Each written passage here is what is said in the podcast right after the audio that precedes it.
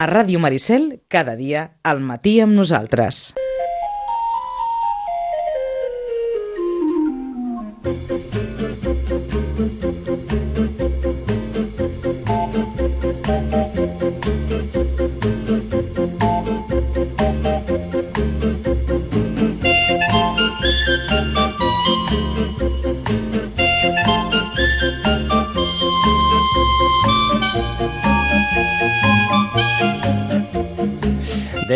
I 19 del eh, matí, la nostra sintonia dels seriòfils.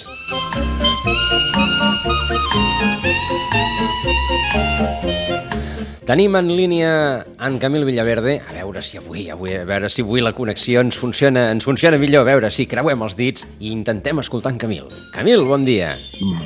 Bon dia. Fantàstic. Em sentiu bé? Et sentim perfectament. Sí. Avui et sentim eh. perfectament. Uh, en, en Nacho ens ha, aparegut, ens ha aparegut per aquí i ara... Ah, torna, ara hi torna. Sí, uh, sí. Ja està. Hola. Hola, Nacho. Hola, bon dia. bon dia. És que t'havíem... He un petit problema, perdó, perdó. No pateixis, t'havíem dit ahir 20, hem començat ahir 19 i allò la... Hem, en, sí. en, ens hem accelerat amb la puntualitat anglesa avui.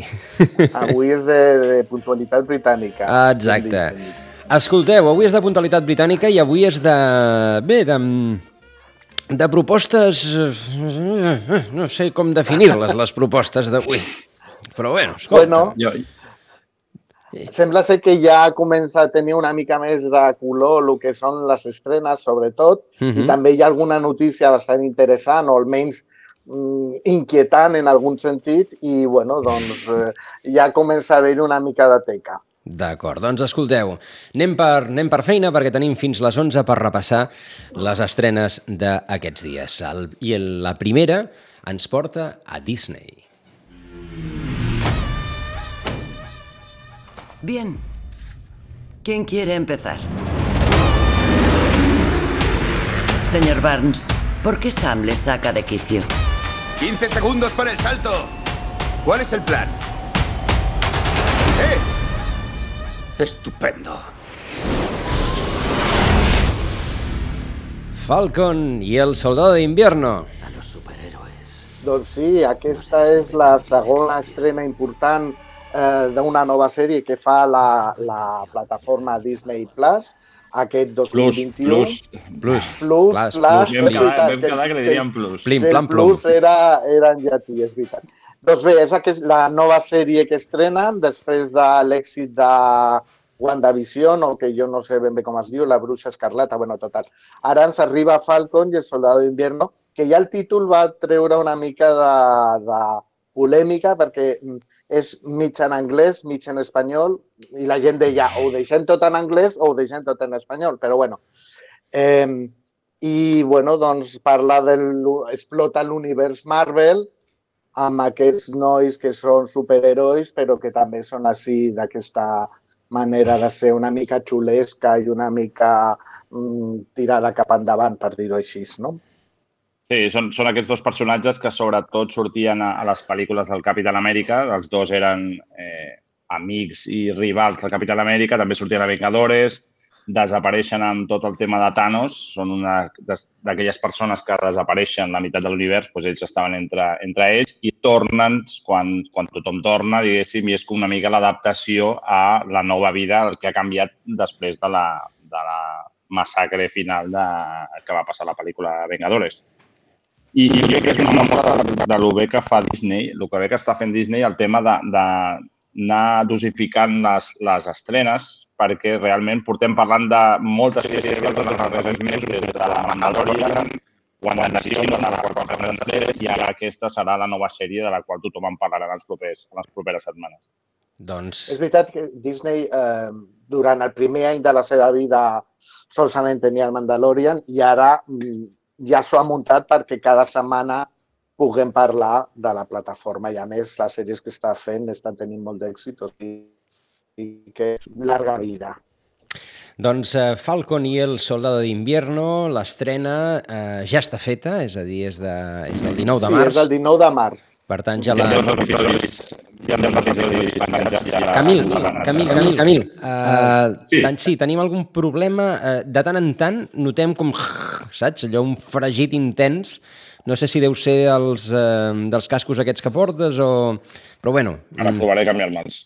Doncs anem... De tota manera, eh, anem a fer eh, el canvi cap a una de les propostes més... Mm, bueno, ja ho heu definit vosaltres en el guió, arriscades que fa Apple i que ens presenta.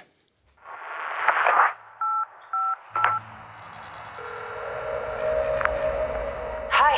Hi. Uh, I, I was wondering if you could come see me today. See you. Uh, sure. Uh, is everything okay?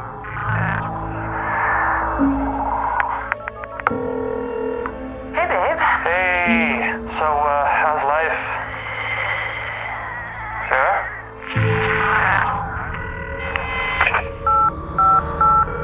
Daddy! How's my little girl? Mommy's crying in her room. She said you were on a trip and that we might not see you for a long time.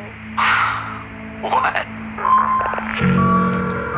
La proposta es diu calls, trucades. Calls, I de fet, mateix. de fet tot el que hem sentit és tot el que es veu, perquè el que es veu són, són efectes i no, Sí. no hi ha personatges, no hi ha actors.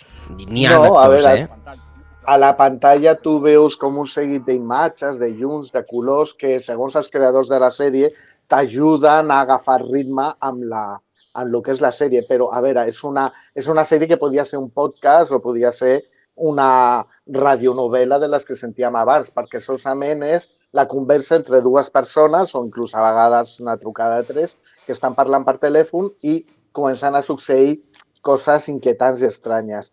És una sèrie, l'original és francesa, que ja va cridar molt l'atenció i va tenir molt bones crítiques i Apple ha fet la versió americana i la va estrenar el dia 19 de març també i mm, amb molt èxit, eh, sobretot de crítica. No?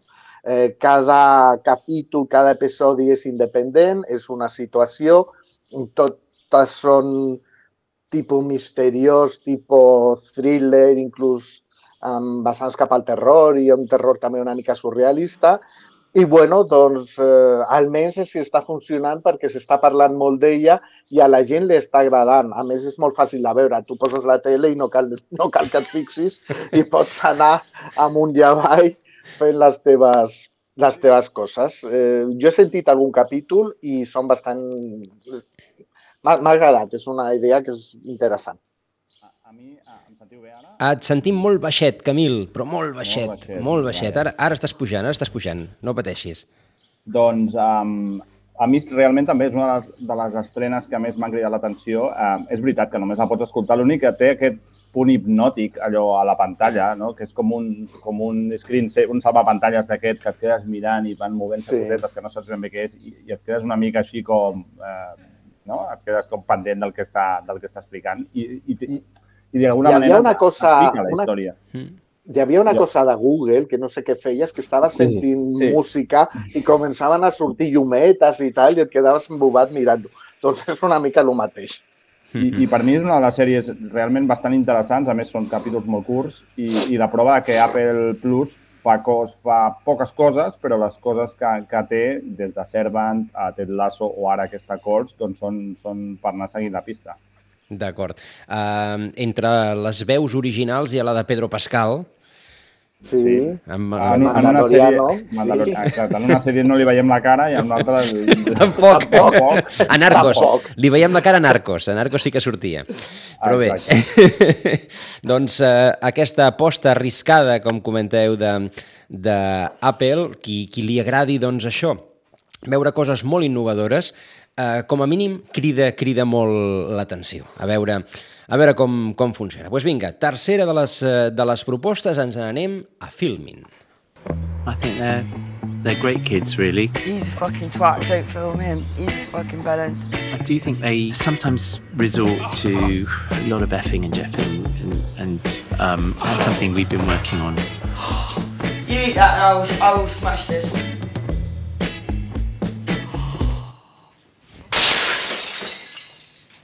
Technically not a scarecrow because there's no hay on it. Not a drop This country, aquest, uh, aquest país, aquesta terra, oi? Uh, Anglaterra profunda en clau de comèdia i de fals documental, oi? Això mateix. Eh, Filmin estrena aquesta sèrie britànica de la BBC. Filmin tira molt del catàleg de BBC i fa molt bé perquè hi ha joies meravelloses com és aquesta. Són tres temporades que ja estan penjades i és això, és la vida d'un noi i una noia que viuen a l'Anglaterra profunda, on s'avorreixen molt, on la veritat és que les oportunitats són molt escasses i és una mica la seva vida i són dos eh, persones doncs, bueno, bastant peculiars. Dos- Això que fan també els anglesos Perquè- de criticar-se a si mateixos, que, que sempre és divertit. El que aquí catalogaríem de dos, dos xonis, no? De... Sí. A més, em fa gràcia perquè eh, és realment l'Anglaterra ru- rural, no? Aquí quan et venen l'Anglaterra rural tothom pensa pues, en Downton Abbey o en, o en les Sí, sí, pel·lis de sí, Jane sí. Austen i no, no, l'Anglaterra rural és això, la- l'Anglaterra profunda de- de- d'això, de, llocs on no hi ha res a fer, eh, no hi ha gent pràcticament jove i els que hi ha, pues, una I a més, tenen, són xonis, però també tenen un punt com de persona brutota del camp, no? O sigui, que és una barreja bastant interessant i és bastant divertida. Sí, I ja està filming. No sé si, no sé si sí, un, es- estrenen la tercera, estan les tres penjades a, a, a Filmin. Sí. Sí, ja van Ja per la tercera, ja van per la tercera. Doncs... Sí, bueno, són sèries que ja estan fetes i que Filmin compra i les penja. Uh -huh.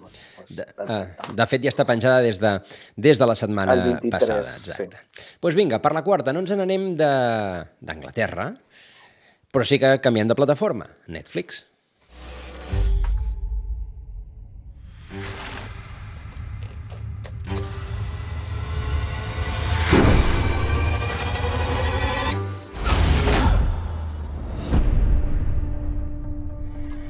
My business partner and I have been watching you from our apartment on Baker Street. Your sister has a gift. She can see things normal people cannot. That's the doctor's name. John. John Watson. He knows much more than what he's telling us. Some strange things. I si el nom del doctor John Watson és el company de Mr. Sherlock Holmes, Los Irregulares. Més coses. Això mateix. Estire, estirem del fil de Holmes, eh? Estirem del fil del Sherlock Holmes, estem a Londres a l'edat victoriana i eh, bueno, doncs els irregulares del títol són un grup de joves mm, que viuen mig al carrer o que es busquen la vida al carrer i que mm, viuen molt a prop d'on Sherlock Holmes té la seva, la seva residència. I llavors mm, tiren, el Sherlock Holmes i el Watson tiren d'ells per esbrinar coses que ells, com nois del carrer, doncs tenen més a l'abast i més a la, a la mà. I són bueno, aquest grup de nois eh, i noies que van investigant sobretot situacions eh, sobrenaturals que succeeixen doncs, en aquest Londres gòtic que es presenta a la sèrie. Uh -huh. I ja és això, està penjada des del dia 26 de març i ja la, com, com és de Netflix ja està tota penjada, ja la podeu gaudir eh, tota sencera. En, en realitat són personatges que ja surten a les novel·les, eh, l'únic que no de manera directa, no? sempre s'explica que per certs casos, per infiltrar-se en certs llocs, doncs eh, Sherlock Holmes té l'ajut d'aquests nens de, del carrer i en la sèrie la curiositat és que bàsicament l'enllaç eh, és Watson. Holmes el planten com un home que sempre està dormint o drogant-se allà a Baker Street i Watson és el que fa una mica d'enllaç entre el detectiu, aquí no acabem de, de veure, i, els, i, aquests, i aquests irregulares. I aquests nois, sí. Uh -huh. el, el filo de Holmes també no acabarà mai, eh? Però bé. Dona- dona per molt, eh? Dir, No, no, no, no, no, no devia quedar ningú viu al final aquesta Anglaterra victoriana, però bé. Uh, Los Irregulares, que està també penjada ja, com comentàveu, tota, tota sencera la primera temporada a, a Netflix. I A Netflix. no canviem d'època, però canviem de lloc, perquè ens n'anem de Londres a, a Jerez.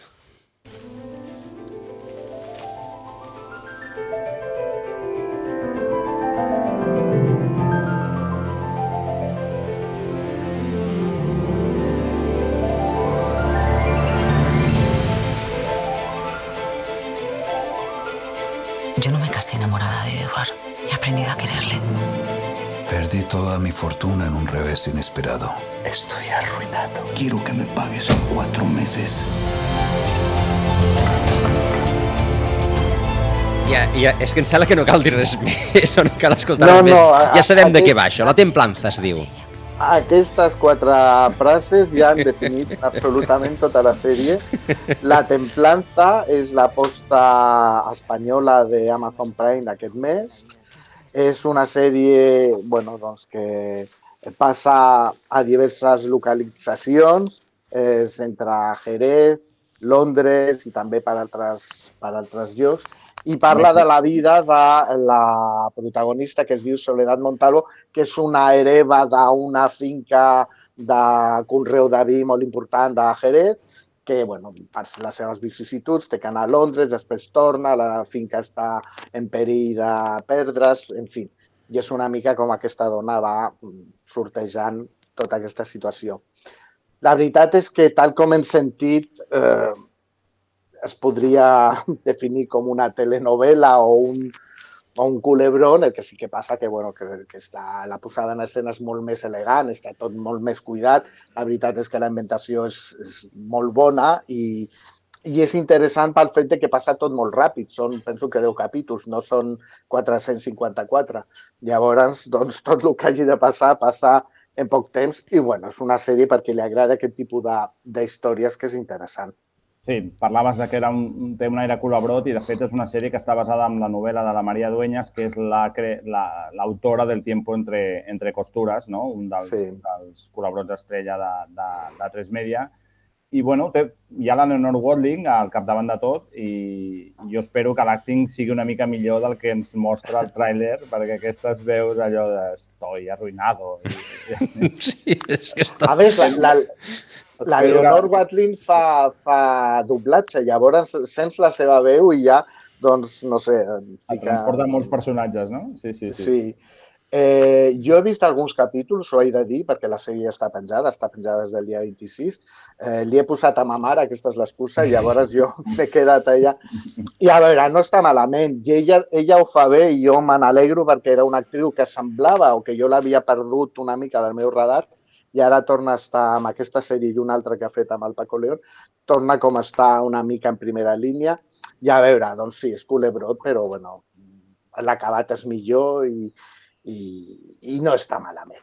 D'acord, doncs eh, qui vulgui do- això, eh, la Templanza, a Amazon La Prime. Templanza. La Templanza. És que clar, ja el títol ja suggereix, oi? Sí. Eh, doncs la té. És el, és el nom de la, de la finca aquesta on, on conreuen el vino de Jerez. El Xerès. Tot i que no he sentit gaire accent andalús, jo, el tràiler, eh? Però bé, és igual. Eh, si la cosa bueno, va de Jerez... No, clar, l'excus... Sí, sí, sí. No, perquè ella també, perquè hi ha coses, com sempre, hi ha coses amb Cuba, hi ha, hi ha en Sud-amèrica, bueno, bueno, Madre bueno, bueno, Dios.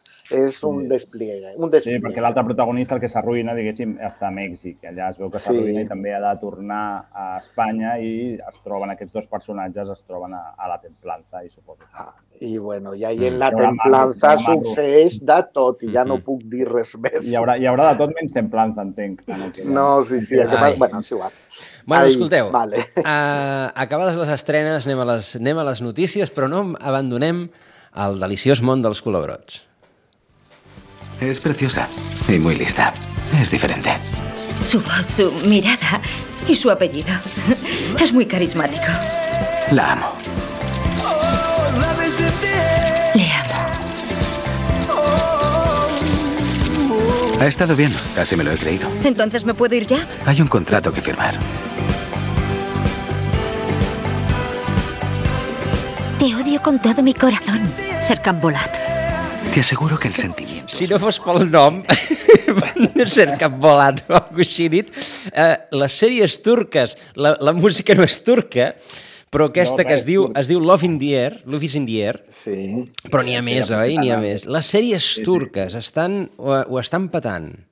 Sí, perquè de vegades no, ens dediquem a parlar doncs, això de Netflix, Amazon, eh, totes aquestes plataformes, i ens oblidem que encara molta gent només veu la, la, la tele tradicional, no? la tele de TDT, i aquí qui ho peta clarament eh, eh, són les sèries turques. Hi ha com un boom eh, actualment de, de sèries turques. Aquesta és la darrera que s'ha estrenat, que crec que és a Telecinco. Qui hagi vist algun cop Telecinco crec que haurà sentit aquesta cançó perquè no paren de fer-li constantment promo amb aquest temazo dels, dels 70 i, i, i, i reflecteixen això, que, que són sèries d'un país, eh, diguéssim, que no tenia aquest nom com de, de factoria audiovisual, però que exporta eh, fins a 150 sèries a 145 països. Són una, un, un tipus de sèries, a més, moltes són col·laboradors, la gran majoria, però col·laboradors realment visualment bastant cuidats dintre del que és aquest món. O sigui, no, no pensem en els col·laboradors veneçolans. No és cristal, no és cristal, això. Ah, exacte, d'aquests uh -huh. que, que, clar, era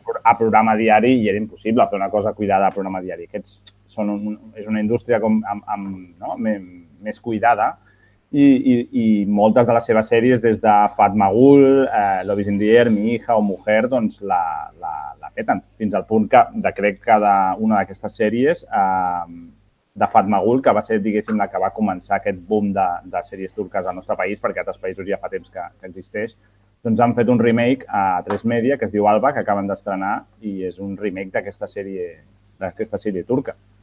Sí, diguéssim que han agafat el que és el relleu de lo que eren les, els culebrons americans. Eh, com deia el Camil, estan millor acabats, però a mi no em deixa de sorprendre perquè, bueno, amb el tipus de vida que es fa a Sud-amèrica entenc que és com més proper al nostre, mentre que un país musulmà com és Turquia té les seves peculiaritats i que triomfi tant a la nostra àrea, doncs, bueno, és realment curiós. Qui primer es va apuntar a aquesta nova moda va ser Antena 3, que ja porta moltes sèries explotant al filó de les sèries turques, i ara Telecinco, doncs, bueno, doncs, doncs també, doncs també s'anima.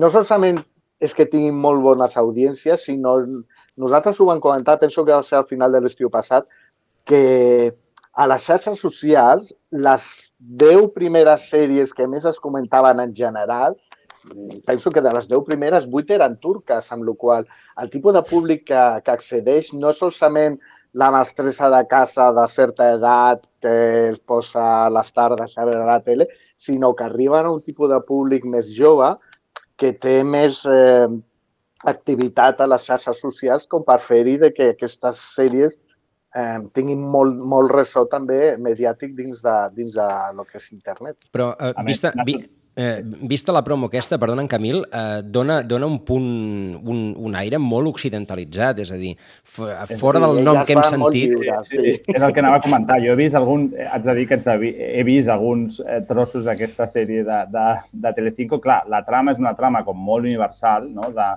de dos eh, persones molt guapes i amb diners que no estan junts però volen estar junts, vull dir, és una història universal i a part, potser aquí hi ha el meu prejudici del que és Turquia, però, eh, clar, eh, Istanbul pues, tampoc la veus massa i veus és una ciutat que podria ser una ciutat qualsevol i, el, i els personatges doncs, són rossos, eh, pels rojos, tots bastant blancs eh, i clar, és com, bueno, eh, perquè es diu Cercant Volat i perquè els noms són així i les cançons que fiquen també dius, vale, això ja, ja, ja em quadra, però és veritat que jo crec que és la, aquesta pretensió de fer sèries com que es puguin veure a tot arreu i, i realment et diuen que és turca per això, per, per quatre detallets.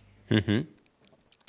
Doncs eh, el boom de les, de les sèries turques, que també ens arriba aquí, tot i que no les comentarem, eh? Mujer, eh, Mi hija...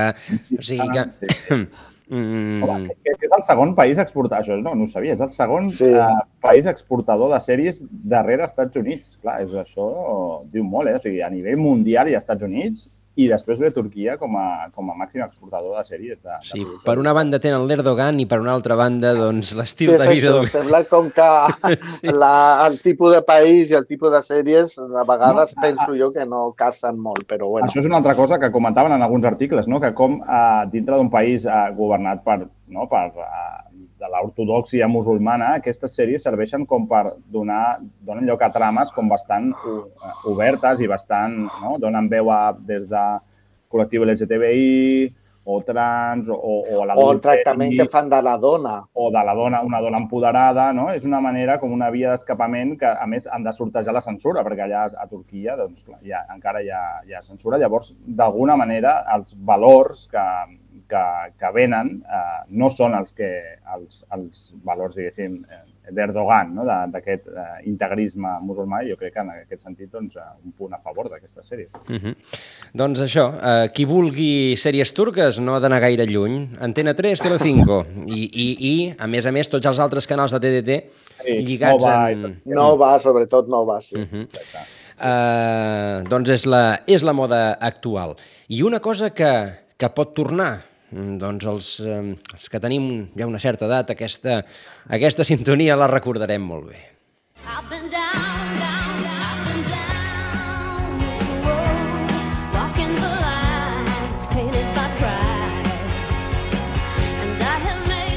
És l'Ali McBeal, sembla que torna, o vol, o vol tornar. Sí, després del revival dels 80, Dos. doncs tornen al revival dels 90, no? I en aquest sentit hi ha diverses sèries que, que es volen reestrenar i la que més sona ara mateix és, és Ali McBeal, que per qui no la conegui, que suposo que serà molta gent, em sembla que no, però segur que és molta gent, és una sèrie eh, que va sortir als 90, una sèrie d'advocats, però que a diferència d'aquestes sèries d'advocats que es feien, que eren com molt intenses i de drames judicials i tal, apostava per un altre to, no? per un to molt de comèdia eh, i fins a cert punt de, de surrealisme. Hi havia ba- bastants moments que jo recordo de veure en el seu moment de dir que, que estic veient. No? De...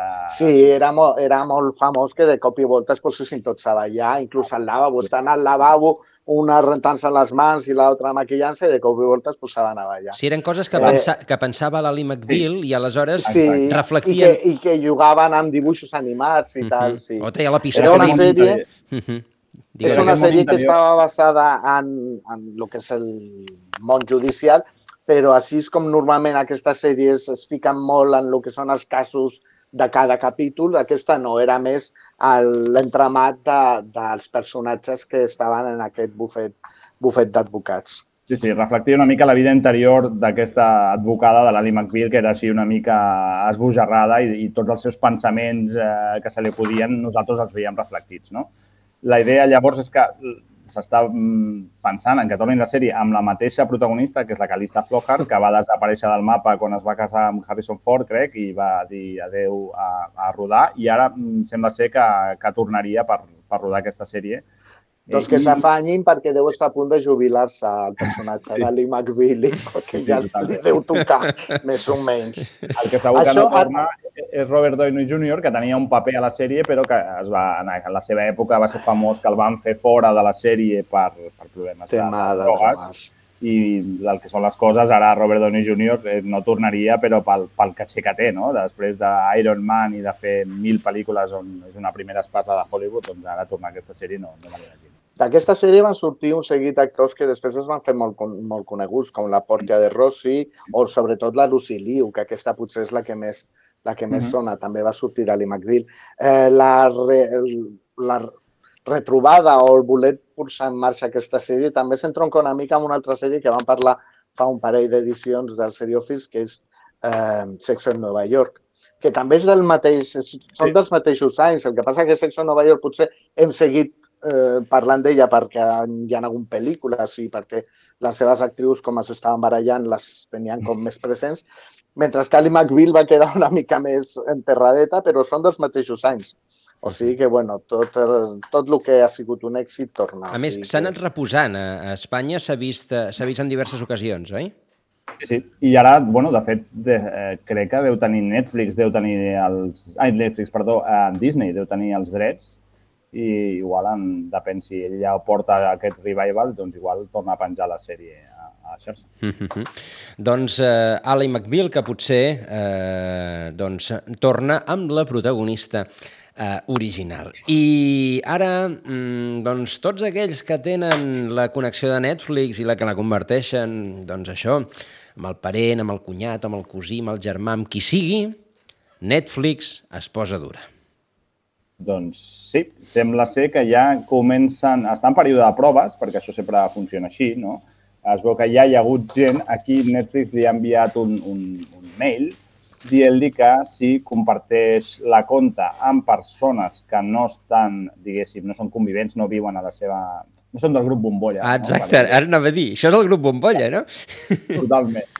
doncs eh, tenen un mes per regularitzar la seva situació i eh, pagar, bueno, vaja, pagar diversos, diverses comptes perquè sembla ser que, no, que s'està posant dur amb aquest tema, eh, un tema que jo crec que, bueno, no ho sé, però crec que la majoria de gent, com a mínim la que jo tinc accés i la que jo conec, Sí. tothom comparteix. Tothom comparteix, sí. Exacte, doncs pagues allò una tercera part, una quarta part i comparteixes la, les comptes de Netflix. Doncs uh, sembla ser, encara no està, perquè això ho diuen en la boca petita, però Netflix s'està posant dur amb això i haurem d'estar una mica a l'espera de, de veure cap on, cap on va això. Eh, causes, bàsicament, els, els diners. No? Eh, Netflix viu de, de, de subscriptors i què ha passat? Doncs que en els darrers anys eh, 200 milions que té ara semblen molts, però amb l'entrada de Disney+, Plus, de Paramount+, Plus, eh, que han- s'han posat al dia bastant, bastant ràpidament, doncs aquest mercat de subscriptors doncs, té, té un límit, no? hi, ha una, hi ha un creixement que, que no pot ser sostingut com ha estat fins ara. Llavors, què queda per, per treure diners? O la publicitat, a la qual Netflix eh, Ja he dit que no. ara es nega, ara per ara, o eh, ampliar el marge de benefici que tenen per clients. I l'única manera que poden fer-ho ara per ara, o, o, o decideixen pujar la quota unilateralment, o eh, s'agafen això de, bueno, clar, qui comparteix pis, això estan fent frau i doncs que cadascú tingui la seva compte, la seva compte separada. Aquí arribarà el, el punt de, de saber fins a quin punt algú està disposat a pagar dels 3 o 4 euros al mes que pagues ara a pagar-ne 14 per, per veure el que realment hi ha Netflix ara. I aquí està una mica no? el, el, el, el tema, a veure si els hi surt bé o no la jugada. Tu, Nacho, què, no, què en penses?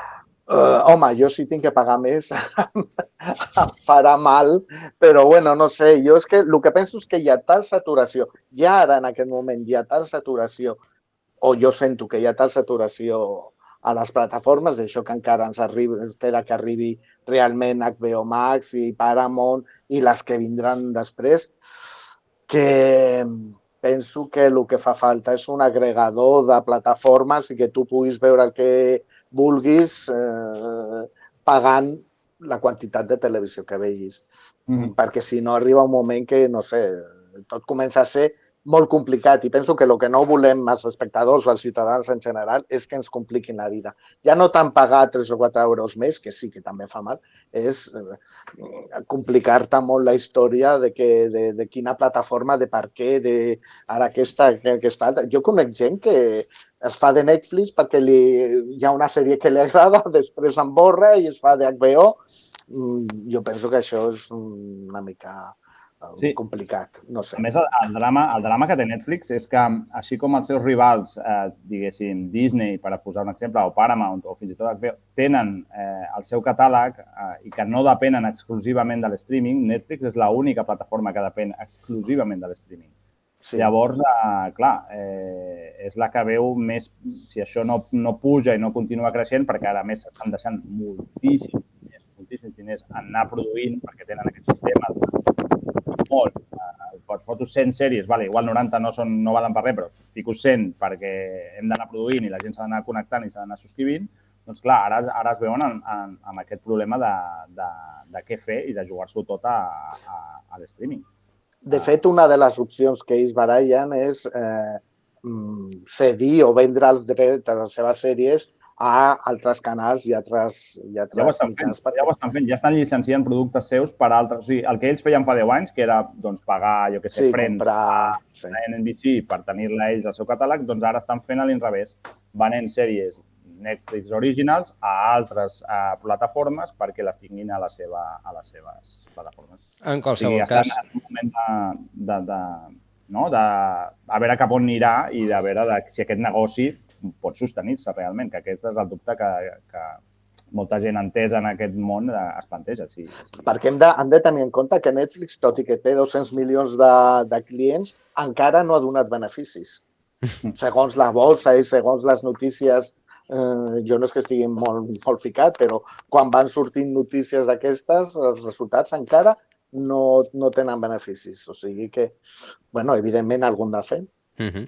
Doncs eh, aquesta espasa de Damocles que Netflix doncs, comença a penjar sobre de les persones que comparteixen aquesta, aquesta connexió i, i per tant, doncs, si, si això és el, el tret de la sortida de la punxada de la bombolla d'aquestes, de totes aquestes eh, plataformes que al final els, els consumidors, els usuaris, mm, fa que, que tinguis tanta oferta que no saps ja ni què, ni què buscar, ni què triar. Eh, quan sí. va, Netflix era, era probablement de les pioneres en el seu dia, però, però clar, ara hi ha tanta cosa que vés, sí. que vés a saber. Com a mínim, sobre el debat ja veurem els, les properes setmanes per on va. Vinga, tenim 5 minuts per fer un comentari sobre la sèrie de la que tothom parla. Començàvem amb, amb una estrena d'Univers Marvel, de Disney, i la sèrie de la que tothom parla també és Disney.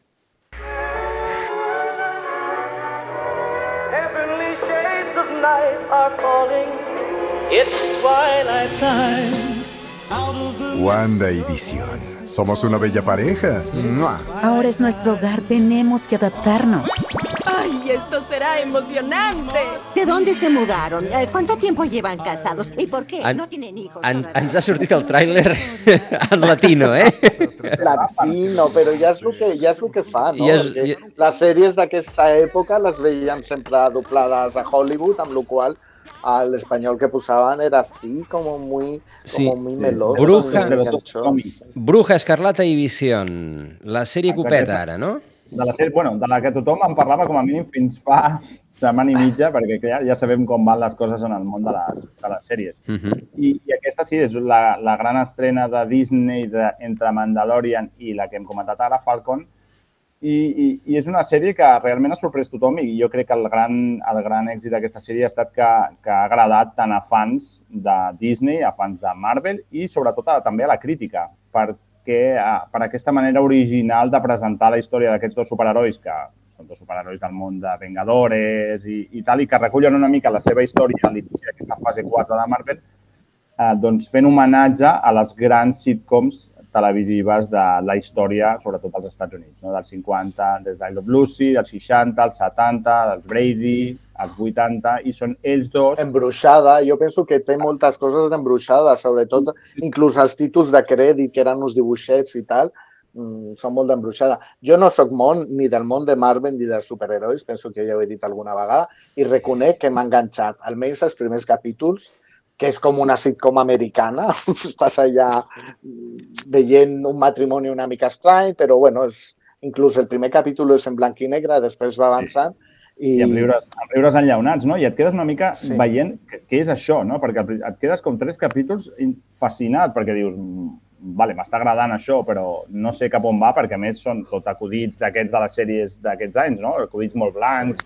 una sitcom molt, molt familiar, molt blanca, però que de tant en tant hi ha alguna pinzelladeta que t'ensenya que hi ha alguna cosa que no funciona aquí, no? I és aquest joc metatelevisiu eh, i a part els dos actors, el, el, sobretot ella, la, sobretot la, ella. Elizabeth Olsen, que havia protagonitzat de petita una sitcom d'aquestes, no? La, la, la, los, los padres... Els padres forzosos o alguna així, no? amb la seva bessona, que eren les dues bessones que hi havia, doncs ella està realment, realment sensacional. Ella està fantàstica i, i o sigui, inclús quan fa de senyora de la casa Sí, en una la versió i després quan ja es posa més en l'altre paper també jo el que, el que penso quan veig aquesta sèrie és com estarà la seva germana Bessona, que també aspirava a ser una actriu important i sembla ser que de moment no, no ho està aconseguint, perquè la veritat és que la Elizabeth Olsen és potser una, és una de les altres sorpreses que, que ha donat eh, WandaVision. Eh, una, va ser, una és, evidentment, el plantejament que fan, sobretot al principi, i una altra és el bé que està ella en general. Sí, a més, és una sèrie on ha de canviar molt de registre, de to, i en, en, a vegades d'un segon a un altre, i realment eh, la, els dos estan molt bé, però ella està, ella està sensacional. Ella havia, després, era com una musa indie, estava especialitzada molt en pel·lícules independents fa uns anys i ara doncs, ha saltat al mainstream amb les pel·lícules de Marvel i aquesta WandaVision, que s'ha de dir que amb el drama de, de Wanda, que és un, més aviat el, el, el personatge principal, es tancarà, com no, això fa sempre Marvel, amb una pel·lícula, la pel·lícula del Doctor Estranyo, que s'estrenarà el... sí, Bueno, no sé si... A veure, tot està previst que s'estreni el 2022 i allà està encara una mica la trama aquesta que, que, que t'expliquen a la sèrie. Sí, perquè ja han deixat clar que no hi haurà continuació, que aquesta sèrie és com una minissèrie que fa un plantejament i després eh, el que planteja es resoldrà a la pel·lícula. O Sí, sigui a- que... Sí, sí. A part, jo crec que és una sèrie que aborda temes com molt seriós, no molt... És una sèrie com de superherois una mica ex existencialista, no? Aborda temes com molt seriosos, molt adults, des de la pena fins a, a, al dol després de la mort, eh, temes molt, molt seriosos i, i d'una manera com molt elegant i que agrada tant des dels fans més palomiteros, perquè també hi ha moments de Marvel, diguéssim, per entendre'ns, com els De fans lluita, de, de lluita. Exacte, fans de, de sèries que, que busquin alguna més. Llavors, jo a la gent eh, doncs, li recomano realment aquesta sèrie, que és una de les, una, per mi és una de les sorpreses d'aquests inicis d'any. Doncs eh, la recomanació que queda sobre la taula la vam, la vam presentar quan la van estrenar i ara doncs, queda, queda clarament recuperada. Bruja, Escarlata i Vision eh, a Disney Plus, que no Plus. eh, Nacho, Camil, moltíssimes gràcies. Bona Setmana Santa, a veure moltes sèries. Això I, mateix. I ens retrobem d'aquí d'aquí unes setmanetes a comentar-ne més. Molt bé. Perfecte. Moltes gràcies a vosaltres.